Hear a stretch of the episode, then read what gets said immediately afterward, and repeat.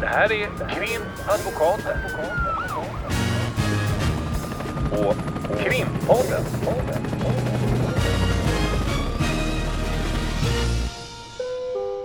Parter och ombud kallas till sal 32.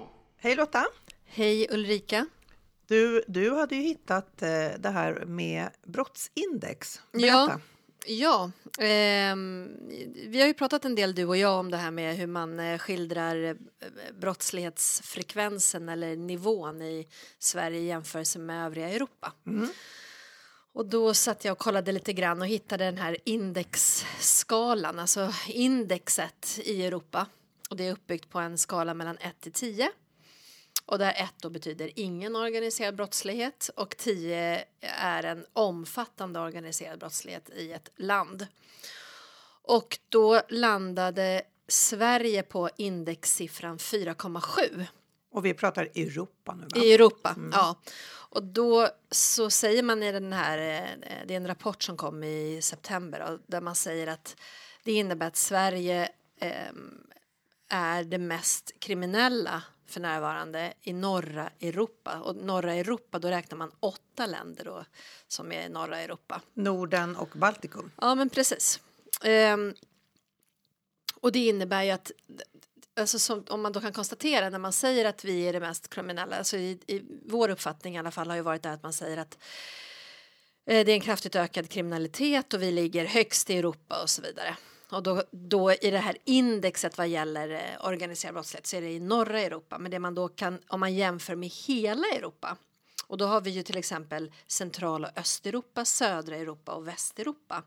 Då kan man konstatera att till exempel om man jämför med central och östeuropa då har de ett index på 5,37. Sverige så hade, betydligt Sverige högre. hade 4,7 sa du. 4,7 ja Och då precis. Central och Östeuropa 5,37. 5,37. Södra Europa 4,7. Så även där eh, något högre. Men norra... 4,73 då om man ska vara Ja. petig. Ja, men precis. Och Västeuropa 4,43 och Västeuropa kan man ju tänka sig då med, med Holland och Belgien och, och Storbritannien och Centraleuropa där har vi ju till exempel Tyskland, eh, Polen är ju den här eh, central och Östeuropa, eh, Ungern och, och de länderna som kommer i, i det segmentet i Europa. Och, då kan man tänka då att Sverige, eh, om man sammanfattar det då, eh, har ett lägre index än till exempel Storbritannien, eh, Tyskland, Frankrike, Schweiz och så med flera. Alltså det finns ju också andra länder där vi kanske kan f- tänka oss att det är ett högre index. Men också de här länderna som vi ändå oftast jämför oss med och så vidare. Så det och var vad jag intressant. fattar så börjar man med det här, eh, det kunde vi läsa oss till 2021. Alltså det är Mm. Ja, inte precis. så jättegammalt, eller sen, det är inte så länge sedan man, man satte igång det här. Nej. Och då när, när man eh, gjorde den här indexundersökningen, eh, undersökningen, om man nu får kalla den så, Mm. då var Sverige på 23 plats Ja. Och i, Europa. Då, då. Ja, och det var 2021 och i år då 2023 så landar Sverige på en 24 plats vilket ju är bättre. Ju, ju, Ju längre ner ju längre ner hamnar. alltså, är, det är, ju, är ju bra liksom. Men vårt index då, det här som vi pratade om, har försämrats från 4,56 2021 till då nuvarande 4,7. Men att vi trillar ner en plats då och alla vill trilla längst ner det beror ju på att brottsligheten då i andra länder har då ökat. Och det man också konstaterar där Sverige då är extra dåligt om man säger ehm, med brottslighet relaterat, då är det i människosmuggling. Eh, det är handel med eh, syntetiska droger. Och eh, utpressning och beskyddarverksamhet, säger man. Framförallt där då som vi utmärker oss att, att det är hög eh, brottslighet. Men då är det ju alltid som när man tittar på det här är ganska grova verktyg. Så man pratar om människosmuggling. Mm. Om jag tänker, vi har ju eh, kriminaliserat sexköp. Det har man ju inte i I flera andra europeiska länder så är det ju inte kriminaliserat. precis. så det är såklart att det i sig gör en större, eh, eh, vad säger man, fler typer av människosmuggling. Alltså det finns ett större omfång av det som kallas människosmuggling i, i i Sverige än i motsvarande många andra europeiska länder. Men sen antar jag också att så som vi får lära oss eh, när man läser statistik och så vidare att det har ju också att göra med andra faktorer, till exempel anmälningsbenägenheten. Kanske är så att vi är, är mer benägna att anmäla vissa typer av, av förhållanden som man iakttar. Ehm, ja, så, så, sånt kan ju påverka, men det kan också vara så att, att det är högt här i Sverige, att vi utmärker oss på det såklart.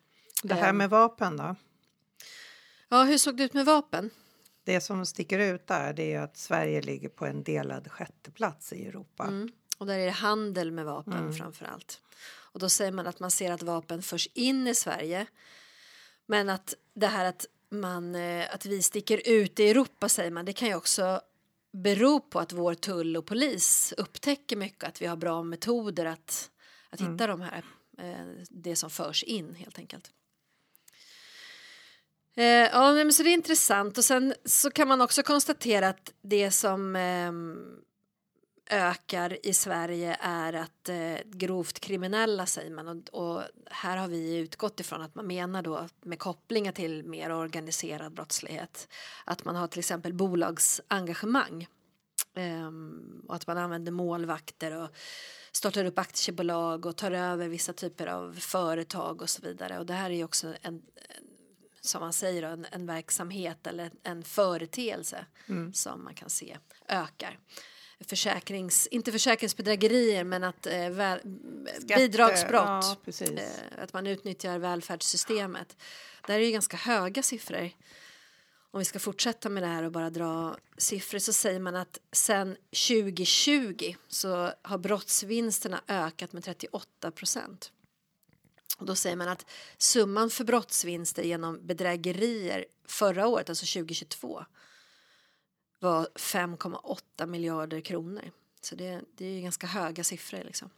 Så det är Samtidigt intressant. så, så får man ju tänka som med, med alla källor. Det här är då från en rapport som eh, polisens nationella bedrägericentrum har gjort. Man, man får ju alltid ta det mesta med en nypa salt. Just när det gäller eh, ganska stora mörkertal kan man tänka här. Mm. Det är svårt att veta exakt på öret liksom, vad, vad de här summorna egentligen handlar om. Ja. Men, men att det är mycket pengar, det är, är det inget Så är det ju. Och sen om det är kopplat till organiserad brottslighet och så vidare. Det finns ju väldigt många faktorer som man i och för sig då eh, måste känna till grunden till och så vidare. Men, men det visar ju ändå på en tendens som man säger. Och sen där vi sticker ut och det kan vi ju säga det är ju de här skjutningarna och sprängningarna som, som vi läser om väldigt mycket just nu. Och det, det är ju väldigt tydligt, där behöver man kanske inte ifrågasätta så mycket. Det är ju det vi ser att det, det är ju ett, ett ehm, ehm, eskalerande läge för närvarande i den delen. Men om man då ska prata någonting positivt som ju du alltid säger att jag står för positiv och du för negativ för att inte bryta det. Nu kan jag ta en paus där. Så har man då mätt, det finns det som heter Global Initiative som mäter motståndskraft bland eh, europeiska länder mot kriminalitet och där ligger vi högt. Då får vi siffran 7,46 av 10. Snittet i övriga Europa är 6,27 så där ligger vi högt. Och, då vad, säger varför, man att- varför ska vi ligga ändå förhållandevis högt då, då eh, som stat? Vad, vad, vad anger man som är skälet till det då, då? Att vi har en, en eh, lite högre eh, siffra för genomsnittlig motståndskraft. Ja, men då säger man att Sverige tillhör, och det här är ju nu, liksom, så man säger att Sverige tillhör fortfarande de mest stabila länderna i världen. Och så lyfter man fram att vi har en, en oberoende domstol, oberoende medier och också en vilja från staten att komma åt problemen. Och det ska då vara positiva krafter som, som eh, motverkar det här. Och då eh, tänkte jag, för när vi just pratar om eh, eh, en vilja från staten att komma åt problemen, den, den eh, politik som bedrivs just nu är ju att man vill komma åt de här problemen genom att öka repressiviteten, öka, öka eh, ja, antalet fängelseår, eh, häktespresumtion, eh, att man i stort sett missar hela biten kring att ha förebyggande åtgärder. Och Jag kan säga att jag är ganska trött på det där därför att det har blivit som att eh, förebyggande åtgärder, när det diskuteras i olika sammanhang och sammanhang som vi är med i så, så anses det som att eh, tycker man att man ska ha förebyggande åtgärder då är man någon sorts flummis, eh, mjukis. Ja, det, och det har ju alltid Alltså det har ju vi sagt ofta och, och varit ganska frustrerade över. Och det, det är väl en, någon sorts uppfattning som har varit att ja, men det är inte det. Och, och, och så som läget är nu så tycker jag till många som är så här, men nu måste vi, nu är det på väg att barka åt, åt helvete liksom. Mm. Nu måste vi göra någonting som är mer repressivt och vi måste visa och, och rättsväsendet ska ställa sig upp och så vidare. Men det, det som jag tycker är intressant är att jag tycker att det är två helt olika frågor. Båda måste väl Båda måste hanteras. Vi kan inte bara prata repressiva åtgärder eller mer verktyg till åklagare och polis och så vidare utan också det brottsförebyggande och det Ja. kan man ju tycka för, faktiskt ändå försvinner. Och där läste vi båda faktiskt på DN Debatt eh, en kille som är, är namnkunnig, polis och föreläsare, eh, Nadim Ghazale. Mm. Han skrev, vi ska se här, den är, är faktiskt ifrån idag. Och idag 27 är den 27 oktober. oktober. Mm. På DN Debatt som sagt. Och, och vad jag gillade när jag läste hans eh, inlägg här, eh, det är det han säger att det, är, det här är ett citat. Det är som om regeringsunderlaget försöker annektera förebyggande begreppet på ett Mm. sätt som förvränger den bortom igenkänning. Han. Mm. Som att repressiva åtgärder är förebyggande, att man liksom tappar hela tanken med brottsförebyggande åtgärder. Att det är inte att utöka möjligheten för poliser att använda hemliga tvångsmedel utan Mm. kanske att lägga resurser liksom i, i samhället. Och han har ju en poäng därför att när vi har suttit och pratat om det här både i podden och, och i andra sammanhang så, så säger vi ju hela tiden det har inte presenterats någonting som är brottsförebyggande. Förutom att man pratar om att man ska häva sekretessen myndigheter emellan. Mm. Eh, och, och sen fortsätter de att prata om att höja straffen och, och, och sänka åldern för att man är straffmyndig och allt det här. Mm. Och, och eh, det, det kanske är det, precis som han säger, nämligen att, att de försöker att ändra begreppet. Man vill ifrån regeringsunderlaget tal, tala om förebyggande åtgärder som att det är samma sak som att höja straffen. Mm. Och jag tycker han har en poäng i det, för vi sitter hela tiden och säger vad är de förebyggande åtgärderna? Mm. Men de eh, ifrån regeringsunderlaget och som det ser ut nu eh, i stort sett samtliga partier Mm. är ju av den uppfattningen att det är mer repressivitet och det kanske blir så att det är det som är förebyggande då. Att vad är ordet förebyggande i en lexikalisk grammatisk betydelse? Ja, men å- återigen, att jag, jag tycker att det, det är två olika saker. Vi måste ha båda områdena som arbetas på samtidigt. Det är ju det. För de säger att nyrekryteringen också är oerhört omfattande. Jag tror han säger någonting eh, i, i den här artikeln också. Att det är, det är väldigt oroväckande siffror. Många barn som Mm. varje dag, varje vecka eh, nyrekryteras in i, i de här gängen liksom, som, som ju poliser och socialtjänst och så kan iaktta. Och hans fokus är ju, och det kan ju vi känna igen ibland när man eh, tittar i frivårdsutredningar, personutredningar och när man har unga klienter i utredningar ifrån socialtjänsten. Att man pratar om, om skyddsfaktorer som Mm. finns runt ett barn. Mm.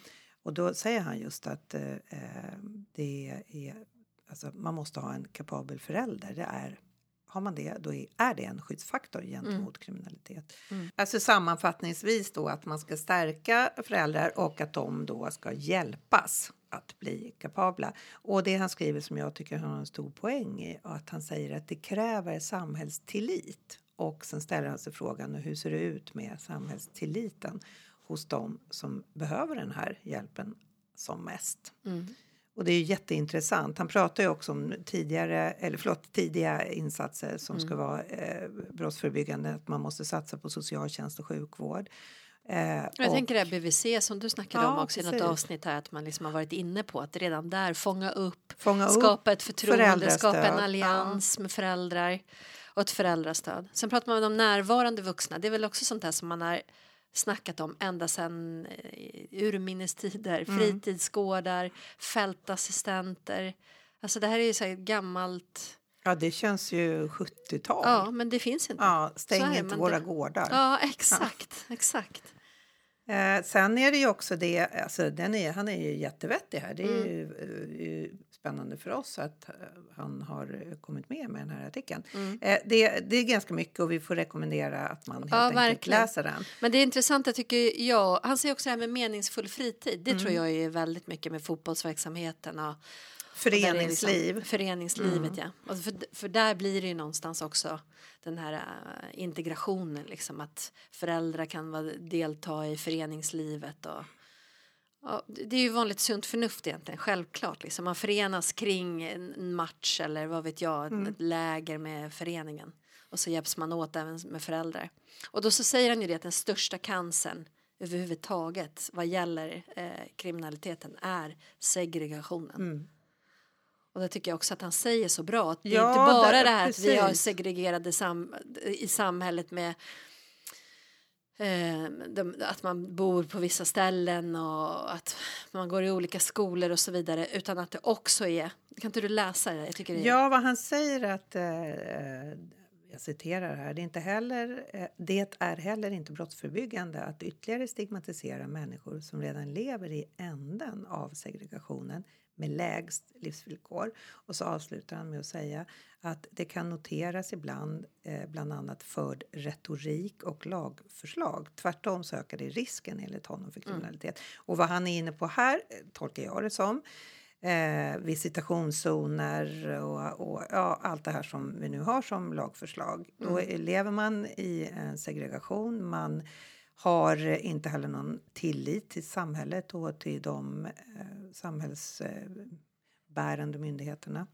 Eh, och sen så kommer det visitationszoner ovanpå det. Och sen som vi också har noterat eh, att jag blev kallad till ett så kallat utvisningsförhör. Jag har en häktad klient som har bott i Sverige sedan han var litet barn. alltså, i- hela, för det är en vuxen person nu. Det är en väldigt vuxen förstår. person. Ja, Och, eh, hela sitt liv i stort sett. Och då De eh, första vi på, inledande få åren. Exakt. Mm. Han kan inte uttrycka sig på det, i det landets språk dit han då, om åklagaren framställer ett sådant yrkande, eh, kommer att argumentera för att han ska utvisas till, kan han inte, kanske han kanske kan uttrycka sig som ett litet barn. Och han har liksom, det finns ingen koppling, ingen i familjen finns kvar i det landet och nu riskerar han att utvisas. I, i, ganska speciellt att det kommer. Man, vi, vi märker ju och vi ser ju reglerna som eh, är på förslag. Vi hänger med så gott vi kan och vi har ju också ett aktivt advokatsamfund så att det är ju mycket debatt som sker. Men när man sen blir kallad då till ett utvisningsförhör som man aldrig har varit tidigare, inte på det sättet. Eh, och polisen ställer frågor då. Hur har du tänkt att försörja dig här i landet? Eh, hur har du tänkt att bo här i landet? Alltså det, vi pratar ju om helt andra typer av människor som ska fångas in av den lagstiftningen. Eh, som nu då, eh, ja, man kan ha sina synpunkter. Ja det. men så är det ju. Och Jag tror också det här som han skriver med den förda retoriken och så Mm. vidare att, att man eh, eh, pratar om men man säger så här, men andra generationens invandrare, man ska utvisa vissa partier med återvandringen och, och så vidare. Att det blir istället för att man just bygger någonting gemensamt Mm. och att man i de olika eh, kulturella samhällena som finns i det svenska samhället att man istället ja, men att man samlas kring någonting. Det, och det låter ju, jag hör ju när jag säger att man, man tycker så att det här tycker många är flum. Mm. Men det är så människan funkar. En symbolik liksom att vi alla Ja, hur ska man här, kunna bygga många- upp en tillit till ett samhälle och en tillit till de myndigheter som finns när, eh, när, när den förda politiken inriktar sig på att peka ut vissa grupper eh, och jag, jag, jag får inte ihop den ekvationen. Hur Istället man- för att se det, det, det, det som jag tycker är självklart. Någonstans har vi misslyckats. Mm. Varför finns det ingen tillit? Hur ska vi göra för att nå även de här grupperna? Hur ska vi göra för att integrera? Integrationen är det är ju självklart, precis som man säger, segregationen är en, en röta i Mm. ett samhälle. Men då för att återigen gå till någonting positivt. Eh, vad gäller då förebyggande åtgärder så är det ju positivt och eh, hoppingivande att läsa att eh, det finns en, en ganska utarbetad eh, planering kring eh, en, ett förebyggande projekt som man kallar Rätt kurva i Sverige. Det kommer ifrån ett tyskt Och jag förstår att det är Projekt. kommunalt projekt. Mm, det gäller precis. kommunerna. Ja, det är kommunerna. Du kan säga det där på tyska, för Ja, det är det du kan jag jättebra göra. på. Ja, jag, jag gör det. Eh, och det, det bygger då på en tysk brottsförebyggande modell som heter Kurvekrig. Nu pratar jag tyska så jag låter alltid så där. Det brukar ni mobba mig för. Korvkrigaren. Ja, du skulle helst vilja att jag säger ko- ko- jag vet inte vad du vill att jag ska säga, korvkrigen eller någonting för att det ska låta lite svensk-tyskt. Men det understår jag mig inte till. Utan korvkrigen, det betyder alltså få en kurva om man översätter det rakt av. Så att man, man ger bort en kurva, det vill säga en riktning. Ja, man ger en riktning fast, och det svenska ordet har blivit en rätt kurva. Som en, ja, ett annat namn. Vad är det för något? Beskriv. Det är en, man har testat det i Tyskland sedan ungefär tio år tillbaka och det har visat sig då att det är en modell kortfattat som riktar sig till barn mellan 8 och 15 år. Och så bygger det i grunden på att det är en samverkan mellan polis och socialtjänst. Då har man kunnat se att i Tyskland då att fyra av tio barn som genomgår den här modellen har slutat helt med kriminalitet och övriga sex av tio barn då, eh, har halverat sin brottslighet. Så att det, det, man har haft goda resultat i Tyskland. Och då har man nu eh, startat upp ett pilottest i tre svenska eh, städer. Linköping, Södertälje och nordöstra Göteborg. Och det ska pågå under tre år. Eh, och eh, då säger man också eh, här i det här att det- är inte så att man ska ta bort andra åtgärder som man har och det är ju bra utan det här ska bli ett komplement att man liksom har det som ett, ett fokus just det här. Eh, och då så säger man så att när man då eh, fångar in de här barnen, det ska vara barn som man vet av olika anmälningar, olika frekvens i vissa eh, utredningar. Och, eller? ja, men Mm. precis. Ehm, så ska man erbjuda föräldrarna till barnet att skriva på en så kallad samtyckesblankett. Och det betyder att man godkänner att polis och socialtjänst samverkar kring det här barnet och familjen, att man delar uppgifter och, och kan liksom kommunicera helt transparent med varandra. Eh, och sen så är det en socialpedagog som kommer få i uppdrag att upprätta en handlingsplan tillsammans med barnet och familjen. Och det ska då syfta till att stärka det här barnets förmågor. Och då kan det bland annat handla om, man säger att det ska handla om att göra barnet gymnasiebart. Det betyder att man kanske ser att det här barnet behöver extra stöd i klassrummet och då ska det sättas in mer riktade insatser. Liksom. De säger till exempel att ja, men om det är ett barn som är, gillar jättemycket att spela dataspel och, och kanske visar på en viss färdighet i det så eh, kan man till exempel sätta in en kurs i eh, programmering och, och så vidare för att liksom väcka lusten till att plugga vidare. Ja, och sen också om det är något barn som är jätteintresserad av och skulle vilja börja rida eller någon annan sportaktivitet Mm. så kanske faktiskt familjen inte har råd med det. Så är man beredd att bidra Ja, med, med pengar för att föda ett intresse helt enkelt Mm. som man kan bygga vidare på. Och då säger man att det kan vara allt ifrån att man är delaktig i läxhjälp eller i musikprojekt och sport och så vidare. Så det behöver inte vara just en sportförening liksom, utan att man är öppen för det barnet verkar tycka är kul och, och att man kan liksom väcka någon sorts lust i det. Eh, och sen är, jag tycker att det är intressant också det här att det ska vara den här socialpedagogen och den personen ska följa med barnet på de här aktiviteterna. Så, lite som de här, som jag tolkar i alla fall, kvalificerad kontaktperson men ännu mer. Liksom. Mycket mer närvarande än vad en kvalificerad kontaktperson egentligen har i sitt uppdrag. Men Eh, och till varje barn så är då en portmonnä knuten, alltså en budget kan man säga. Och då har man gjort en, en budgetering såklart, eftersom det här är på kommunnivå. Och då säger man att varje barn beräknas kosta omkring 250 000 om året i de här insatserna. Och då, Och det låter ju jätte, jättemycket. Men men, och då om man ställer det till exempel mot en livsstilskriminell person så kan man säga att det ungefär kostar samhället 20 miljoner per person. Och det här projektet då, eller det här, de här riktade åtgärderna inom det här rättkurveprojektet eh, det ska pågå, säger man, i upp till två år. Och så ser då, eh, Men det var ju ett treårigt projekt. Ja, men för varje barn. Så det är Mm. väl inte att man, alltså man behöver inte börja med alla år ett. Ja. Utan man kanske ser eh, att man tar även in andra år två och så vidare. Och så säger man också att, att välja ut då vilka barn, vi var inne på det, men man kommer använda ett unikt urvalsverktyg som man, man har ehm, byggt fram.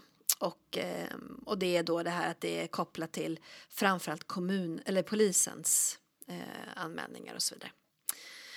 Ehm, Ja, så det, det låter intressant. Och när jag tänker bara- läser det här... Ja, för att, för Ja. du, du, kommer till det snart, för du har varit lite inblandad i det. Men vad jag tänker när man hör ett treårigt projekt så, Mm. så eh, man undrar ju i, i det tyska projektet. Nu har vi ju läst om det här som nu ska med, från den här modellen som Mm. tillämpas i Sverige. Men vi pratar om tre års tid. Mm. Hur ska man kunna utvärdera om vi har en åttaåring då som Mm. går igenom det här och sen ska det här utvärderas när, när man liksom släpper taget då. Ja. Och då vet jag ju att du har varit inblandad.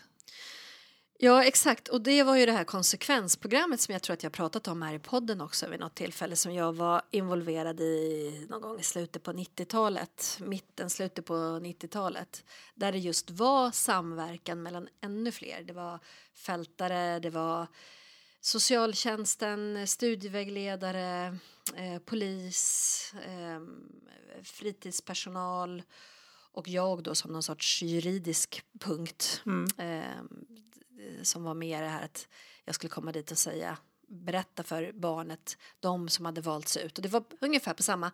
Där var det också för åtta års nivå tänker jag. Då är det inte Mm. alltid man figurerar i massa polis misstankeregistret och så vidare. Men där hade man också regelbunden kontakt med parkleken som jag, hopp- jag tror väl att det finns kvar i, i parkerna. Där det är typ som fritidsgårdar men för mindre barn och där de kunde se liksom kanske ett riskbeteende eller en, en eh, um, identifiera liksom att det är barn som lätt kan hamna lite eh, på glid. Mm.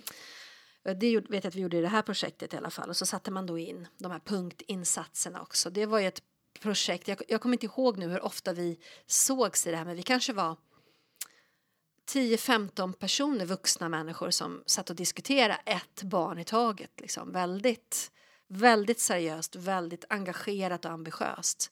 Och där var det en, ett, eh, social, eh, ett projekt från Socialhögskolan som hade, fick i uppdrag, eller som hade det som uppsatsuppdrag tror jag, att göra en utvärdering just. Och det tror jag var efter fem år och den här uppsatsen då höll de på med i ett år. Och så gjorde man då att man gick tillbaka till vissa och kollade vad som hade hänt. Och det kan man ju kolla hur går det i skolan. Har det förbättrats?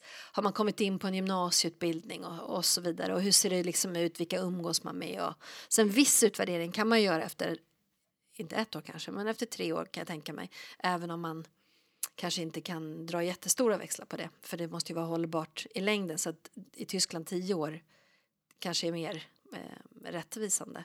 Men det vet jag att man, när man då i det här konsekvensprogrammet kollade efter då fem år eh, då kunde man konstatera att det var väldigt gott resultat på det. Men sen fanns det inte resurser till det och sen så Stängdes skrotade det. man det, det stängdes. Ja, och det var också ett sånt där pilotprojekt eh, som eh, man skulle bygga vidare på. Jag vet att det var ju väldigt sådär nästan nybyggaranda liksom för att framförallt när man fick de här resultaten att men det, det funkar ju liksom. Och sen bara så Så stängdes det för att det fanns Mm. inte resurser till det. Och när, när, var, när så- var det det stängdes? Eh, jag har lite svårt att komma ihåg eh, årtal på det, men jag, jag tror att det är början på 2000-talet, så det är länge sedan.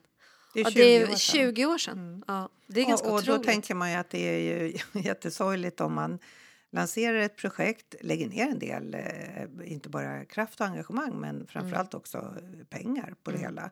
Och eh, det, man kommer fram till att det är, är lyckosamt och att det är bra resultat. Ja. Och sen så lägger man ner det därför att det inte finns pengar.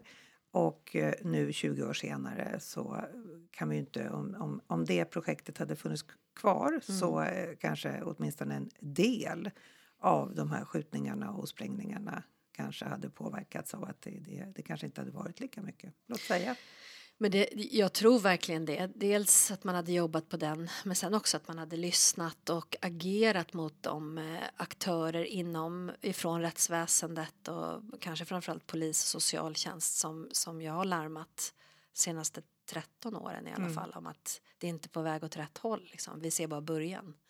Och ja, att man kanske inte har, har ehm, gjort vissa, jag menar det här med förebyggande åtgärder, ja nu sitter vi här i den här situationen Mm. och då blir det med repressiva åtgärder istället liksom för att jag tror inte att det är för sent men det är ett, ett långsiktigt arbete med, med förebyggande åtgärder så som Nadim Ghazali föreslår där med kapabla föräldrar och så vidare. Det måste liksom finnas en, en, ett hopp någonstans i, i samhället för att man ska härda ut i det. Och det, och det, det är som vi har varit inne på, jag, tänker på det med det här med förebyggande åtgärder. Och vi ska alltid jämföra med eh, andra nordiska länder och, och gärna med Danmark. Och det har vi också varit inne på, men då är det den här det aktive dränge. Det är Mm. också förebyggande åtgärder. Det är ju ungefär samma som, Ett som liknande han skriver typ om här. program. Ja. Ja. liknande program, samma tanke. Vi har ju, vi vet liksom. Vad, vet, vad men som vi ska sättas inte, in. Men det enkelt. görs inte. Nej. Och det, det är ju väldigt olyckligt för att ehm, ja, det, det, på sikt så måste ju det här vändas och då måste man jobba som jag, som jag säger, man måste jobba på två fronter Mm. och kanske framför allt på ja, men i, i det så här rätt kurva eh, tänket. Och rätt kurva då, det är, är eh, vad sa du, Linköping, Södertälje? Nord, nej, alltså Linköping, Södertälje och nordöstra Göteborg. Mm. Mm.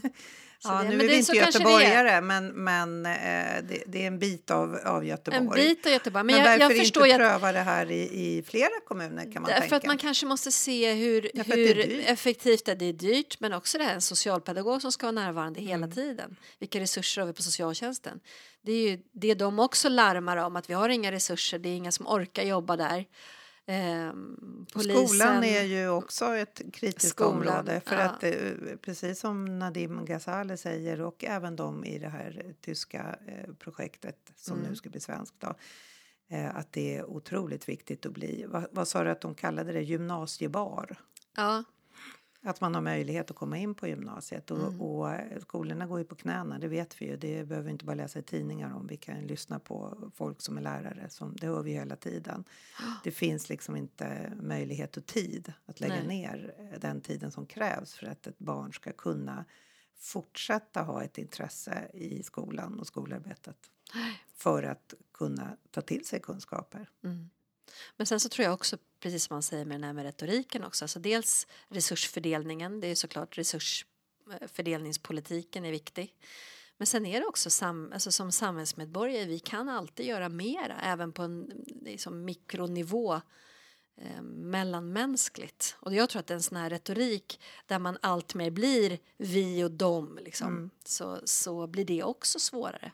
Och vi hamnar i ett läge där, där ehm, Ja, men där man pekar ut varandra liksom på ett sätt. Vi får se då om, om, eh, om vi sitter här och babblar i vår podd om, om tre år när det här ska utvärderas då, så kanske de har, om de då, vilket man får hoppas, får lika goda resultat som de har fått i det här projektet i Tyskland. Ja, verkligen. Och att man har då det här pilotprojektet men att man ser kanske redan efter ett år att men det här Mm. verkar ju funka liksom. Så kanske man utökar det. Då är det ju sorgligt om vi sitter här om fyra år och, och Ja, det kommer vi inte göra. Nu är du igen den, den negativa. Jag tror, det kommer vi inte göra. Utan jag, tror att, jag tycker man hör fler och fler som faktiskt pratar om det här och det är ju väldigt, väldigt positivt. Nu måste det till bara ännu mer liksom, också politiskt och också i samhället. Man liksom. tänker ju att det är, alltså, nu lever ju vi i en värld där vi träffar människor, eh, ja, förutom våra klienter träffar vi ju kollegor och vi träffar andra människor som finns i, i rättsapparaten. Mm. Poliser, åklagare, domare eh, och, och det är väl så att ja, det är ju med några få undantag så, så är ju alla inne på det här. Mm. Medan politikerna verkar inte riktigt ha greppat det. I vart fall att man pratar mycket mer om de repressiva åtgärderna för att man tänker ja, men att det ger mer ehm, väljare och att man visar hårda tag och att man visar handlingskraft och så vidare. Det är såklart, för långsiktighet är ju inte handlingskraft. Det, är- Då är det ju igen det som eh, den här Ghazali är inne på som vi inledde med här, eller pratade om för en stund sedan just att det är som om regeringsunderlaget försöker annektera förebyggande begreppet Mm. på ett sätt som förvränger det bortom igenkänning. Mm. Det, det är ju... Om jag nu alltid är den negativa så vill jag säga att han har alldeles rätt Han har alldeles rätt. Ja, och det positiva är det att det är fler och fler röster som, som ser det och identifierar det. Och ju fler vi blir, desto bättre är det. Jag vet ju att det pågår till exempel, om vi bara ska ta hos oss advokater. Man kan ju tro också att vi som jobbar i allt det här att man ger upp någonstans och, och ehm, inte ser att det finns någon, någon ljusning. Liksom. Och det är positivt att en polis skriver på sättet han gör. Och även bland advokater vet jag att det pågår just det här med över befolkningen på häkten och anstalter att det liksom är helt ohållbart för kriminalvården och, och även för våra klienter som befinner sig i arrester i omänskligt långa perioder nu eftersom det inte finns platser till exempel på häkten så är det ju otroligt engagemang. Och det, sånt är ju positivt. Folk börjar förstå liksom, vi måste börja någon annanstans. Ja, det får väl bli då den eh, Lottas positiva trudelutt. Ja. Då ska jag inte säga något mer. Vi måste alltid fortsätta kämpa. Ja. ja, med det sagt så avslutar vi för idag. Vi kommer återkomma. Yes. Hej! Hej! Krimpodden. Podden, podden, podden.